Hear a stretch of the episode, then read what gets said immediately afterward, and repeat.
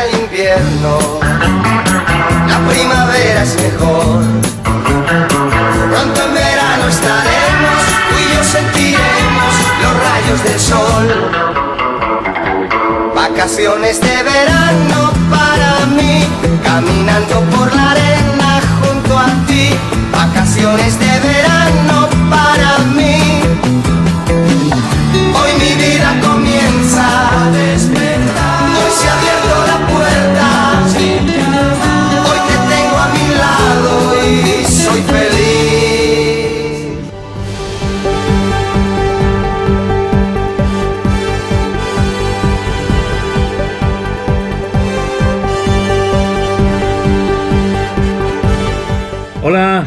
Benvidas e benvidos eh, a este novo episodio da actualidade está sobrevalorada, que neste caso está sobrecargada. Episodio 29, actualidade está sobrecargada. Hola, Ana Luisa Bauza. Hola, que tal? Hola, Antón Losada. Boas. Hola, Marta Otero. Hola, Mayán, eh? Ben, eh, decía que está sobrecargada porque no episodio anterior, que se decía antes nas series, no episodio anterior, íbamos eh, celebrar unhas eleccións Baltar iba a mm, eh, sentarse no banquiño dos acusados en un xulgado de Zamora e agora nin Baltar se vai sentar en banquiño ningún, por lo menos de momento, e hai outras eleccións. É dicir, aquí mm, isto pasounos como Sanero de Armenteira. Mm, botas unha soneca e cambiou todo. Mm. Bueno, teño que darche unha noticia. Son hai outras eleccións, pero son diferentes. Sí, bueno, xa, pero bueno, a turra... digo para que, digo pa que non te confundas, é dicir, eleximos cousas diferentes. A turra, a turra vai ser creo que aínda peor. Os alcaldes e concelleiros que saliron elexidos destas, que estén tranquilos, están escoitando este podcast porque non son as súas as que se repiten, estas son novas. Bueno, a bueno. será para vos, que eu estou encantada. que non haxa máis municipais ata entre 4 anos. Bueno, bueno, no, no pero, bueno, non sei, aí esos pucherazos que descubren, como vingos hoxe nun periódico destes, de verdad que sale en papel, hai algunos rumores de que hubo errores en dos mesas de Segovia que lle importaba?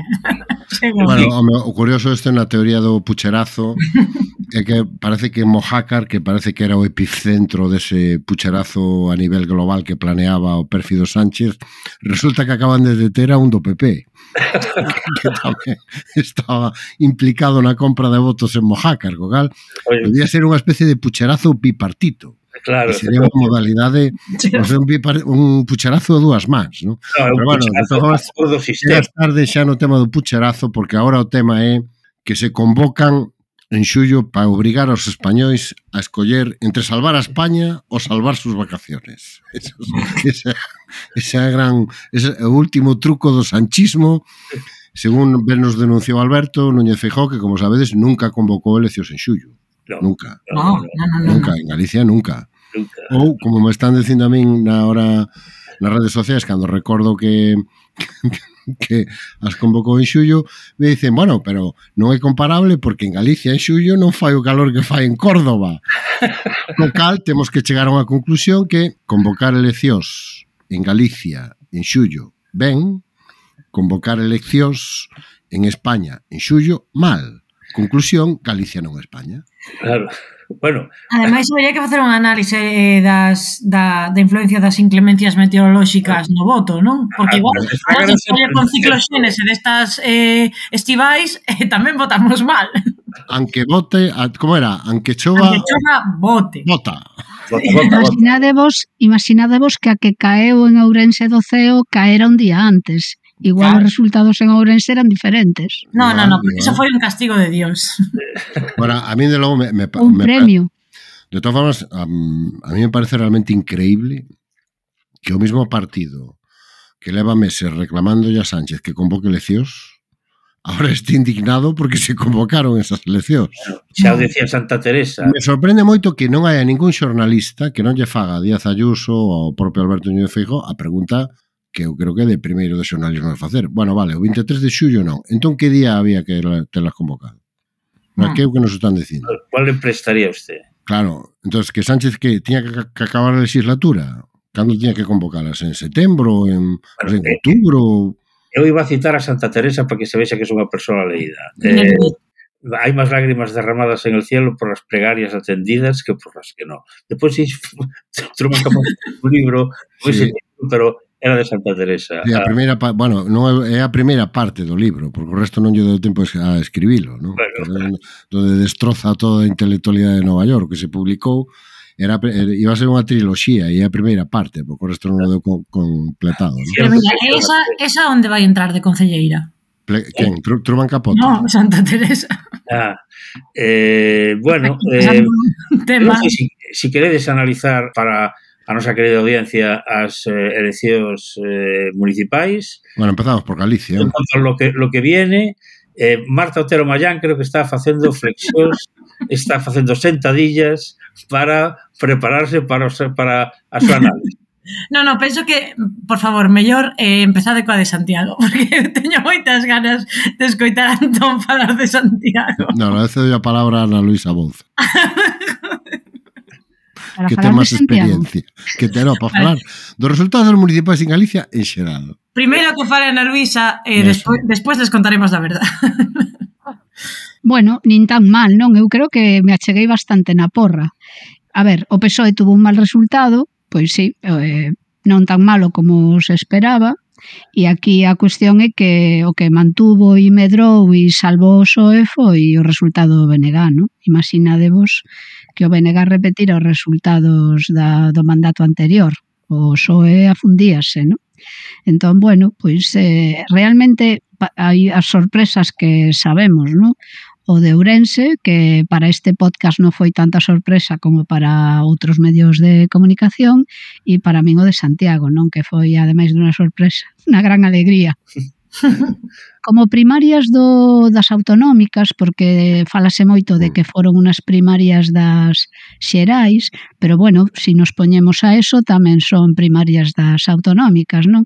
Esa confirmación de liderado de Rueda eu creo que non se produciu máis ben pouco que algo, e que eh, si por Rueda fora seguramente adiantaba tamén as galegas, porque a cara que tuvo non un anuncio ou no anuncio de nada que fixo eh, seguido do de Sánchez, pois non se lle notaba especialmente contento nin satisfeito de decir que no, que a ela aínda lle queda un ano máis de sufrimento. Non? Bueno, eu sinceramente creo que o único que ten motivos para estar contento do resultado e non moitos é o Partido Popular que... Era do resultado en xeral ou... No, falo das, das municipais en Galicia, non? Despois ah. falo, si que, se nos dá tempo, eh, falamos de España, pero falando en términos galegos, o Partido Popular eh, non só consigue sumar máis votos, sino que recupera unha cuota de poder institucional importante como é a Diputación de, de Pontevedra.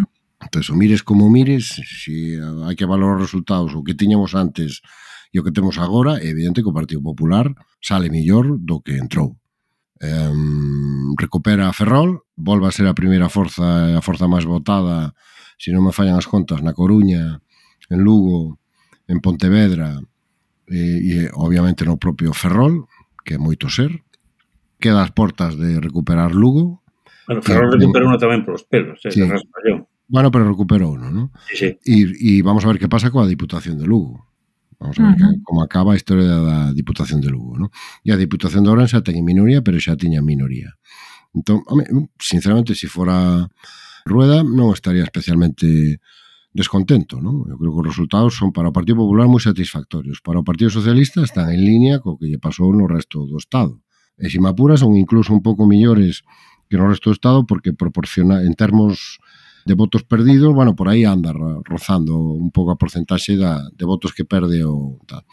E para o BNG, bueno, son millores do que tiña, pero eu, de logo, non estaría todo satisfeito nin contento, non? Perdiche a primeira posición en Pontevedra, que eu creo que iso é relevante, recuperache, bueno, recuperache no, ganache Santiago, pero ya quitache o Partido Socialista, non ya quitache o, o Partido Popular e no resto da, das cidades o avance está ben, Pero eu creo, a mí, a mí me queda a sensación de que é unha oportunidade perdida e que o BNA con outro tipo de mensaxe, con outra estrategia, outro diseño de listas e outra plantexamento xeral, probablemente podría ter obtido un mellor resultado, pero bueno, eu que sei desto, non? O mellor non, o mellor o fai e resulta que lle sale ao revés, non? E bueno, eh, eh saindo nas cidades en, en concreto, eu creo que o caso de Santiago xa comentamos aquí, que notábamos moi desgastado a Bugallo. Eu, sinceramente, non, non contaba con que... Pensé, estaba convencido que iba a salvar a alcaldía, pero que iba a salvar polos pelos, non? Ah. E realmente a desfeita foi moito maior do que lle daba a calquera outra calquera outra enquisa, non? E me parece Bugallo un exemplo excelente de, de xente, que, de xente que perde polos seus propios méritos. Non, é que hai un discurso que está, se vos fixades, non, que é moi recurrente na lectura dos resultados, non só en Galicia, sino no conxunto do Estado, eh, de que, bueno, moitos grandes alcaldes socialistas e excelentes presidentes socialistas han recibido unha patada en su culo que en realidad iba destinada a Pedro Sánchez eu creo que no caso de Bugallo e nun puñado de, de dirixentes máis do Partido Socialista que me veñen ahora mesmo á cabeza e que xa levaban un puñado de anos gobernando, eu creo que a patada era para eles, non era para Pedro Sánchez. O sea, non creo, sinceramente, que Bugallo poda decir que eu perdín a alcaldía de Santiago porque houve un voto de castigo a Pedro Sánchez. O sea, perdeu a alcaldía de Santiago porque foron 4 anos e creo que xa temos comentado aquí neste podcast deprimentes. Onde os que vivimos en Santiago temos a sensación de que vivimos nunha cidade galega dos anos 70. Eu, sinceramente, me sinto teletransportado na miña infancia cando baixábamos a Lugo. Día que cidade galega. Claro, os, os cursillos de magisterios que iba a miña nai. Dira que me, me sinto, paseo por Santiago e digo, isto é como o Lugo da miña infancia, ¿no? Con todo o cariño e todo o respeto para Lugo, é dicir, me sinto moito máis sí, claro. me sinto moito máis urbanita e non hacía moito máis puxante cando vou a Lugo que agora que deambulo polas ruas de, de Santiago, non? E cada vez que vexo a caixa de zapatos esta que nos puxeron en riba da estación de tren, pois aínda me deprimo máis. Coren, chamase Coren. Bueno, o, bueno, que o, caso, saindo... o caso do Ourense que comentamos aquí, o caso do Ourense que comentamos aquí profundamente, profusamente, E eu volvo a insistir, para mí todo o mérito de, do resultado orange está no vídeo este, no que sale dos minutos correndo. Jácome e a xente vai parando pola rúa e vai vai subindo polas rampas correndo. Para min eso foi un momento clave. Non? Mm. Eh, non sei se me toca a mi falar xa da Coruña. Sí, sí, sí, sí, sí. Sí, bueno, a ver, na Coruña pouca sorpresa. Aí sí que penso que o BNG, aínda que non sei se en determinado momento esperaría capitalizar un pouco máis o, o voto progresista, e o seu resultado non foi tan bo como podía esperar hai seis, sete meses, pero bueno, ao final dobrou resultados na Coruña é a chave do goberno, quero dicir, ao final, pois, a ver, eh, a, gran, a gran sorpresa na, na Coruña foi a, a desaparición do espazo das mareas e de Podemos de seis concelleiros a cero patatero. Eu aquí sí que me gustaría facer unha reflexión porque a min non, sexa que sexa, se ti tes unha para, para a cidadanía, para o votante progresista non é unha boa noticia esta desaparición das mareas, penso porque ao final é unha perda de pluralidade na, na corporación e de pluralidade, de pluralidade de discursos que, ainda que entroncan en moitos puntos, eu penso que, que enriquecen uns aos outros, co, en temas de cidade sobre todo. E a mí aquí sí que me, me gustaría facer unha reflexión e, e, e sobre todo chamar moita autocrítica neses espazos, porque Houbo moito reparto de culpas o día seguinte, eh, case todas as culpas foron, digamos, a parar a, a candidatura de Por Coruña, Podemos, Esquerda Unida Alianza Verde por presentar outra candidatura que, bueno, que parecía que tiña así un pouco de afán revanchista a un mes das eleccións, pero moi pouca reflexión no outro lado eh, sobre por que tantísima xente da que en determinado momento formou parte da Marea Atlántica se deixou de sentir representada por esas siglas e por ese proxecto. Sinceramente, aquí eu penso que eh, hai que mirar moito para dentro da casa e non facer unha retórica de os bons e os malos. Cando houbo xente que avisou de que isto iba a pasar, mmm, se, bueno, usou en determinado momento de... Eh, estar... Bueno, pero eso de matar ao mensaxeiro é a cousa máis bella do mundo, non? Sí, formas... pero bueno, que ao final isto é un problema que é o de sempre, non? Ter, eh, estar rodeado de xente da tua lista, da tua candidatura e do mm. teu espazo e, e pensar que todas as voces que veñen de fora son ataques. Bueno, de todas formas, en Na Coruña, bueno, na Coruña non, moitos máis sitios, por exemplo, en Huesca, houve catro forzas, digamos, progresistas que pasaron do 4%, pero non chegaron ao 5%. O sea, que eso son 20 pico por cento de votos que quedaron aí no aire. Eh, ah. E na Coruña, penso que nas casmareas foronse 9.000 votos e casi... Mais, mais, case 10.000. Se Xan Xove quedou a 200, a menos de 200. Claro, pero 5.000 e pico e, e San de 4.000 e pico, o sea, 10.000. Sí, sí, sí, sí. 10.000 votos e, e, no, e, 9, e un 9%. Mm, quero decir que, bueno, eh, eu non son tanto partidario de cousas como la unidad los, los salva a todos, porque aparte da unidad, Tens claro. que vender algo máis, pero xa solo con que, digamos, cada un a chegar ao seu, pois efectivamente non sei canto lle tocarían, pero posiblemente incluso dous ou... Quedaba salvado, espazo polo menos a, a representación institucional. Sí, Pero agora sí, evidentemente, pois quedas na irrelevancia, claro. Ben, quitado que Ana Luisa teña algo que decir, porque eu das decías en Oleiros, que é onde me toca, pois pues non teña nada que decir. Eh, en fin, pues, lo, de, lo de sempre.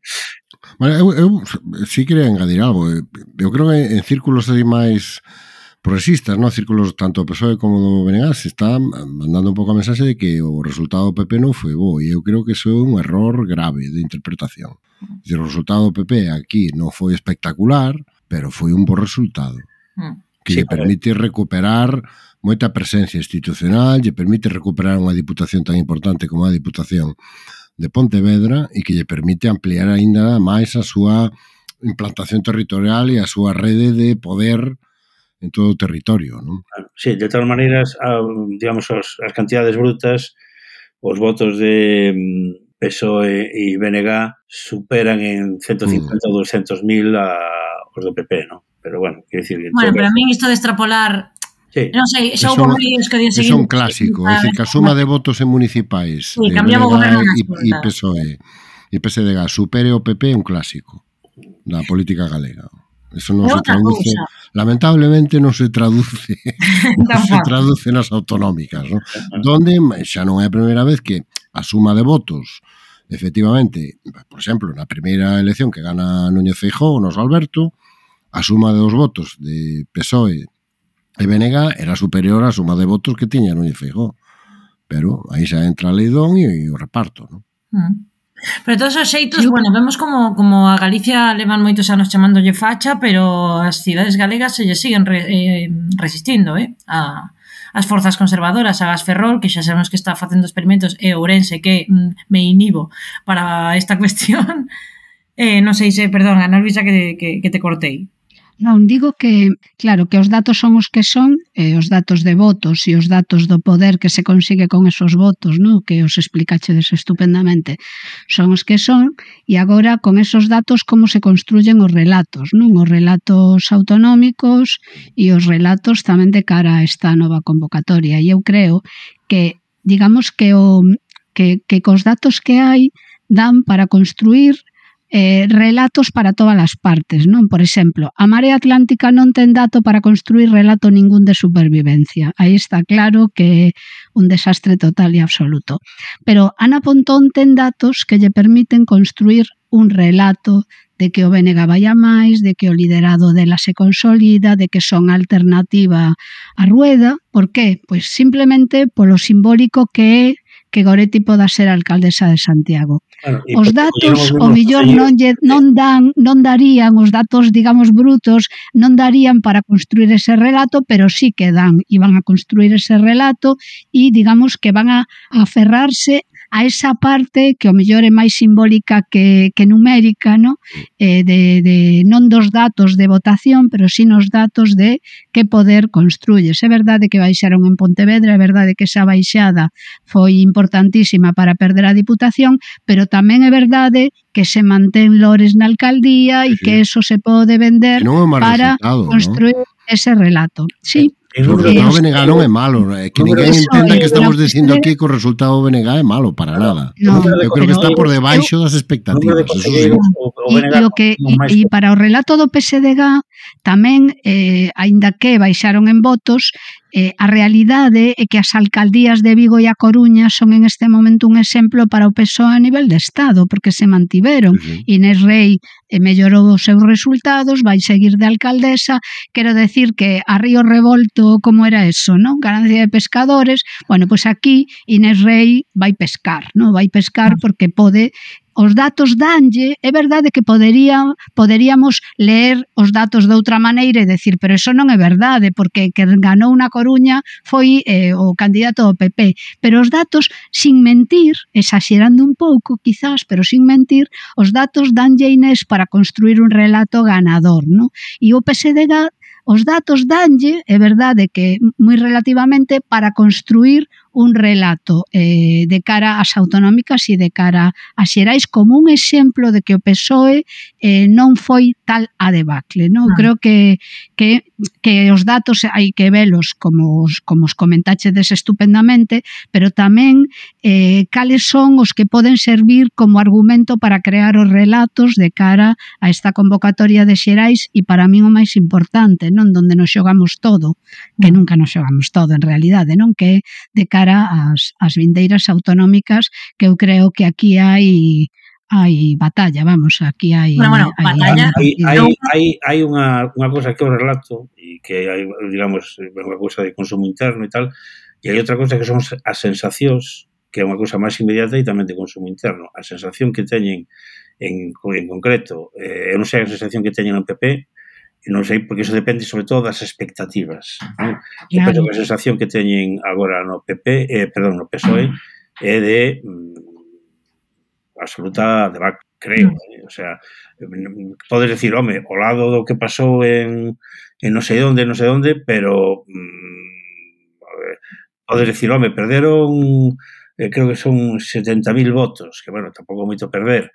Perderon 167 concelleiros, bueno, tal pero mm, a sensación mm. é que mm, conseguimos non perder moito poder territorial, bueno, non posi perder poder territorial por porque estaba outro Pero bueno, pero, vamos a ver, perder a Diputación de Pontevedra en Galicia é perder moito poder territorial. E ademais por Estes a punto de perder a de Lugo, que vamos a ver que pasa na Diputación de Lugo, é perder moito poder territorial que ese análise que hai que facer. Sí. A que ten que facer o PSD, o PSDG primariamente, pero que tamén o BNG non lle ven mal facela.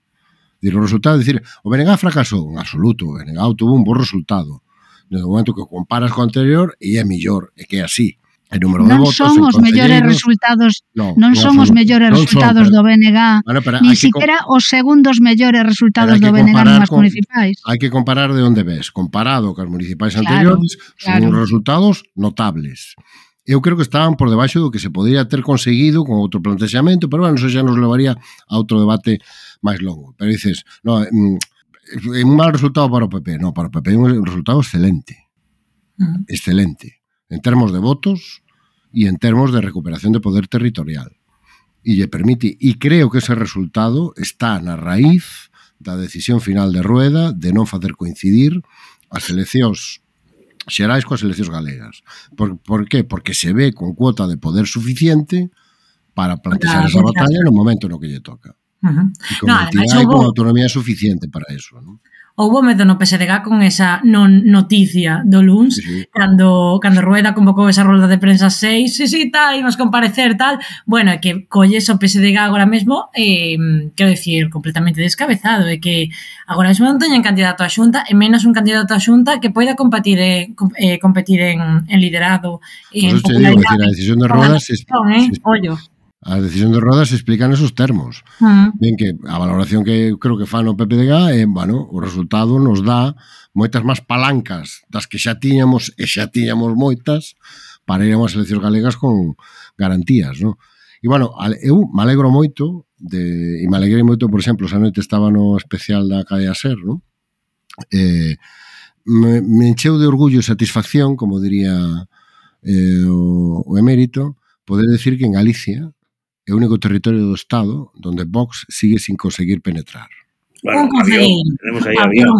Un concello de avión que, por certo, estaréis de acordo, ten unha entrevista Sí, sí, sí, ademais unha venezolana Concelleira, creo, Concelleira, ¿no? hai que loca... bueno, pues hai que, loca... hai que localizala. Igual está en México. Bueno, hai que localizala e hai que traela a este podcast, porque bueno, esa muller ten unha entrevista. Cento- certo. Esa, hai unha historia humana aí Porque o mellor non sabe nin por quen se presentou. No, sí, sí, a, a, al parecer es una.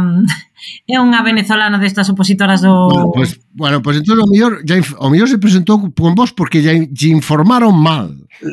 no momento que lle informen ben. Bueno, si eh. a venezolana exiliada igual sabe moi ben onde está, eh? No, pero no, no momento que lle informen ben, che digo que se vai ao PP. Che digo que se vai ao PP. Che digo que se vai ao PP, hombre. Está, está, esta muller está en vos porque a informaron mal no momento que lle expliquen ben a tal, se vai... Pero esta muller ten unha entrevista, non digas que non. Sí, que ten, sí, sí. sí. Eh, eh, pero, eh, eh, podemos rir o que queiramos, pero para min como galego é un orgullo Un orgullo. Un orgullo sí, total sí.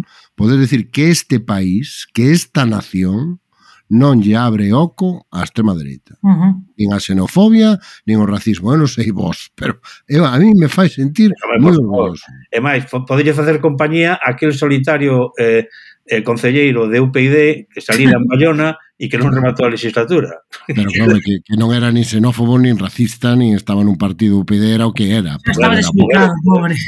Pero eh, eu, por exemplo, me chamaba moito a atención as caras de envexa que as que me miraban, estaba no estudio central da Cadea Ser e como poder poder decir isto e a cara que que te miraban todos os demais, eu sinceramente foi un dos para min o mellor momento da noite. E iso que hai que decir que na Coruña estamos momento, momento, momento, bravo. Non queda moito tempo para que falemos das xerais. Estamos aquí falando do pasado, Cando hai que falar do presente do e do futuro. futuro e mirar cara adiante. Eso é. Eh, que pasa que vai pasar o 23? De que van poñer urnas portátiles en Sanchencho e na Mariña de Lugo ou para que. Bueno, a min, a min está a min a min esta este dilema que planteou outro día o noso Alberto diante da dos varóns de, de do, dos novos varóns non? do Partido Popular, que por certo nas reportaxes fotográficas salen polas rúas de Madrid, parecen un puñados de turistas os que acaban de soltar pola capital e van como admirados mirando para todas partes non? Eh, este, esta dicotomía entre mm, Pedro Sánchez nos obliga a elegir entre España y nuestras vacaciones me, me, me resultó un resumo eh. da situación tan churrigueresco que ainda estou intentando eh, asimilalo. Non? Pero creo que a xente, a, a xente que decir un par de cousas. A primeira, o primeiro día hábil para que se pudera votar era ese. Cos plazos legales. É dicir, non é o primeiro día disponible, cos plazos legales que hai que cumplir, se si non estou mal informado, era ese. Entón, a outra opción, cal era? Mm, non facer nada, non anunciar nada, non asumir ningún tipo de responsabilidade, y decir que vamos a votar a legislatura, bueno, que estaríamos oindo ahora mismo que se agarra sillón, que ahora, todo para cobrar un sueldo, que porque no deja hablar a la gente, que la gente ya ha hablado y porque se agarra su sitio. Mm. a, a, mí sobre todo que revela la reacción do Partido Popular y que non nos esperaba. No, e en política, no cando faz algo, cando faz algo que o competidor non espera, normalmente é es un punto a tu favor. Entonces está claro que o Partido Popular non o esperaba. Eu creo que o Partido Popular lle plantexa un problema, que es que mmm, ya hemos hecho un plebiscito sobre Sánchez. Entonces, que vamos a hacer? Un segundo plebiscito sobre Sánchez. Bueno, vamos a ver a forza que ten eso. Porque a xente tamén se cansa de... Ya, ya me he pronunciado sobre esto, ¿no? Entonces, o argumento de derogar el sanchismo, ahora hai que estiralo 58 días máis. 58 días máis. Mentras, tes que poñer en marcha un proceso complexo no que tes que poñerte de acordo con Vox para gobernar en sitios como Valencia, etc. Entonces ya estamos vendo a estrategia do PP. Bueno, vamos a demorar esto lo máis posible. Pero tamén estamos vendo a de Vox. No, no, de demorar nada. Si queres, aquí que se visibilice claramente que creo que é o principal resultado destas eleccións, non? que o relato que construí o PP de o nosotros, que somos el orden y la estabilidad o el caos de un goberno de coalición, ahora se vai a ver sustituído por outro relato que pode construir o PSOE. Aquí hai que elegir entre dos coaliciones. Unha coalición de derecha e de extrema derecha e unha coalición progresista e de esquerdas. O sea, non, é, non é elegir entre o PP e el PSOE e sus socios. O sea, non é elixir entre o PP e el PSOE máis, máis Bildu, máis Esquerra, máis non sei que, non, non. Oiga, usted elixa. Que quere ter? Un goberno que sea o PSOE máis os seus socios ou un goberno que sea o PP máis a extrema dereita, non? Entón, me parece que, sinceramente, eu creo que Sánchez fixo o máis inteligente neste caso. O único posible. Ademais, ademais Porque imaginadevos eh... o que iban ser estos seis meses de asedio vamos, Vicente Vallés iba a tolear a base de editoriales todas las noches. E Ana Rosa. Y en el, y, y en el hormiguero xa non che quero nin contar con estos sesudos analistas que ten en hormiguero, as formigas estas se iban a competir en termitas. e eh, Ana Rosa que lle moveron a silla, que ela iba a estar no sitio de Sálvame ata, ata que chegasen as eleccións e agora xa non nada. Acaba Sálvame, empeza a campaña, xa non... Ya, nada, va, sí, vai ter que facer xornada doble. Ademais, bueno, a mí me fixo moitísimo... Antisanchismo pola mañá a primeira hora e antisanchismo toda a tarde. Mm. Fíxame moitísima graza como se deron as cousas, porque claro, bueno, nós o domingo pechamos o xornal tardísimo, eh, como era de esperar, e eh, eu pola, o, o luns erguime xa nin puxen alarma, tal, un oasis de paz, sin elecciones, tal, abro Twitter e boom.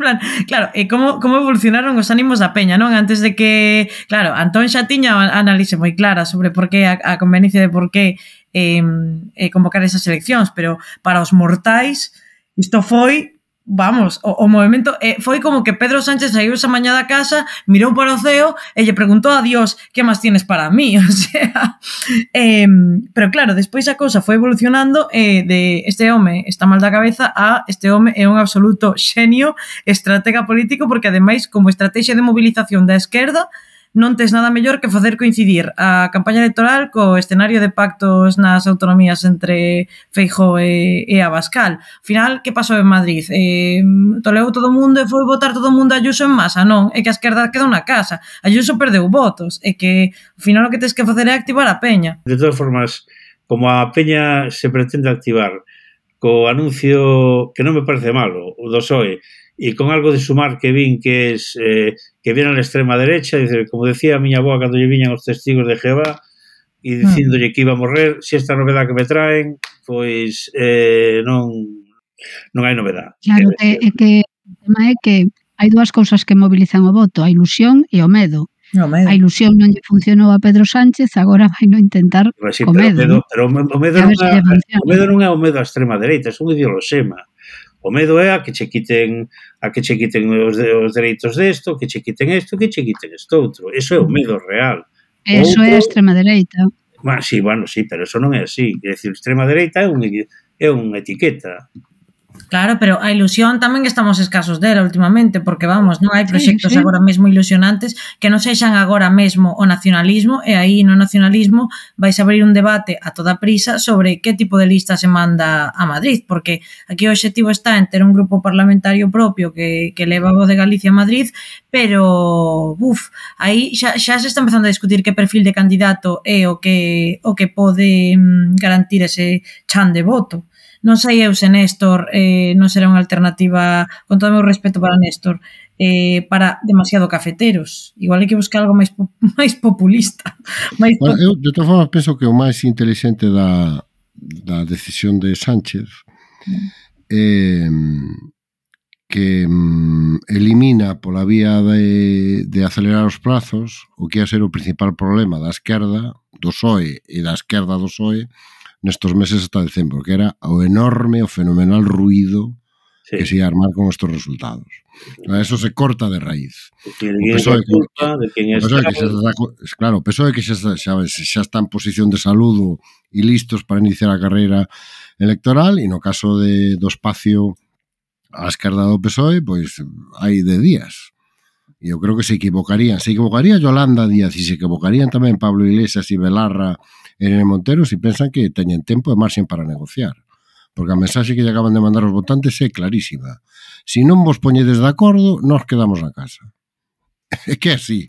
Se non vos poñedes de acordo... É que, é que non hai, non hai máis opción que poñerse de acordo. É que non hai outra. E nos vendedes algo tamén. Porque, porque senón, eu creo que inteligentemente outras cosas que Pedro Sánchez logra con, con este adianto, o acelerar o reloj, eh, é mm, presentarlle ao votante de esquerda un dilema non cal, se si estos non se poñen de acordo, o voto útil son eu.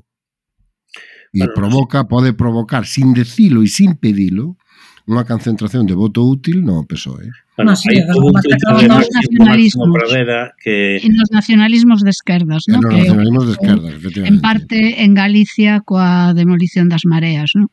Eh, sí, sí, ou... creo que é unha oportunidade en ese sentido tamén para o BNG, ¿no? porque mm. efectivamente eh, aquí está tamén en xogo como, vamos, como nos vamos tomar as votantes aquelo de ter unha voz galega en Madrid a través do grupo de Podemos. ¿no?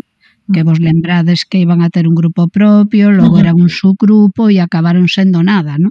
Entonces vamos a ver con que con que relato se presenta Sumar, Podemos ou que se sea en Galicia e a ver que consecuencias ten, porque eso tamén é algo que o BNG aquí debería aproveitar. Mira, eh, eu iba a citar a Máximo Pradera dentro da lista de autoridades que estou citando para que a xente se ilustre e vos tamén, eh, que é un Twitter que fixo Máximo Pradera citando a seu pai, Javier Pradera, Que decía, a estos los va a votar su puta madre y yo. Quiere decir, para, para argumentar, para argumentar que iba a votar a Osorio. porque como reacción despois da, dos resultados das municipais. Mm. A mí me parece máis inteligente da decisión de Sánchez é a um, coraxe que hai que ter para darse conta de que um, non ten moito sentido aguantar seis meses baixo un, un lume que iba a ser abrasador e infernal e que o máis intelixente, ainda que pode parecer máis arriscado, non? porque a primeira reacción de todo o mundo foi, bueno, que pasa aquí? Non? E, bueno, si isto, si isto va de derogar el sanchismo e si isto va de votarme a min, pues venga, vamos, mm, a por ello. Carta de Porque eso, claro, é que vamos a ver... Voladura tipo, controlada. No, eu creo que a, digamos, o gran cambio que se vai producir é que a dereita plantexou esas muni as municipales e autonómicas nesos termos. Eh, imos votar a Sánchez. A esquerda non foi capaz de plantexalo nos términos contrarios, que non, imos defender o goberno do progreso. E se dispersou moito máis. Co adianto electoral e con esta idea de, bueno, se se trata de votar mamín, pois venga, aí tenéis a oportunidade, se equiparan os dos relatos.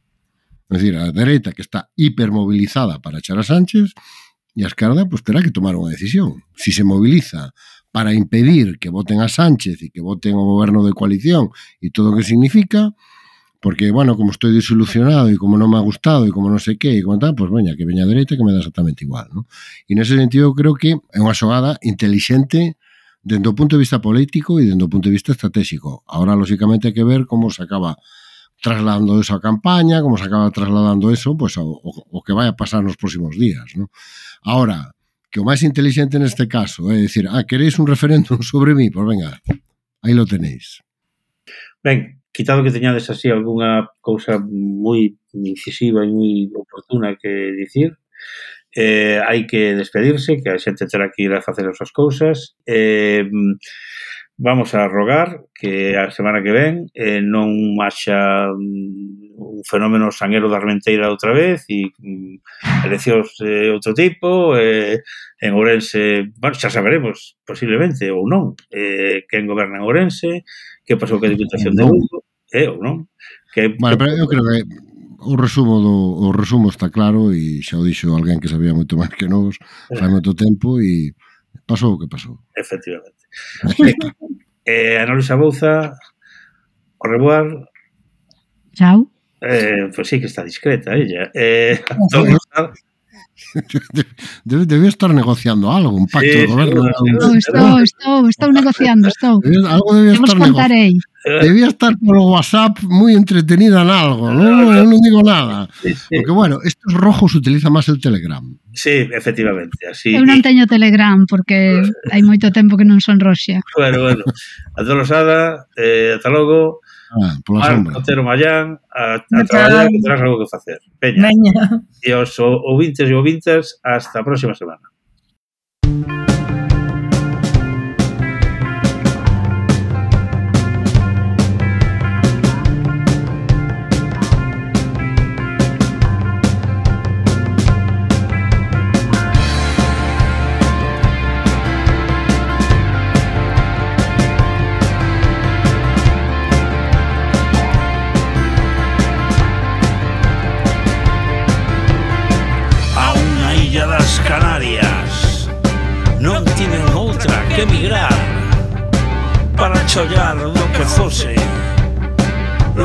lonxe, lonxe do fogar É que me invade a morriña Da patria de Breogán.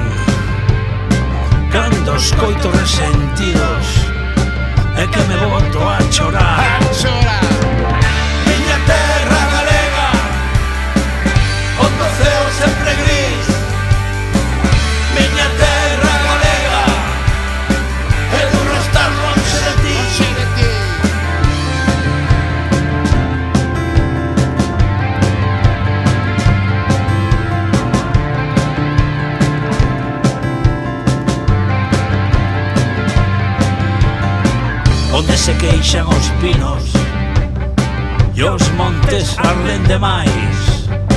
cheos de muiños e eucaliptos Dende o miño Ortegal Onde as vacas son marelas E unha especie a conservar E os que antes facían barcos Abriron agora un bar Un bar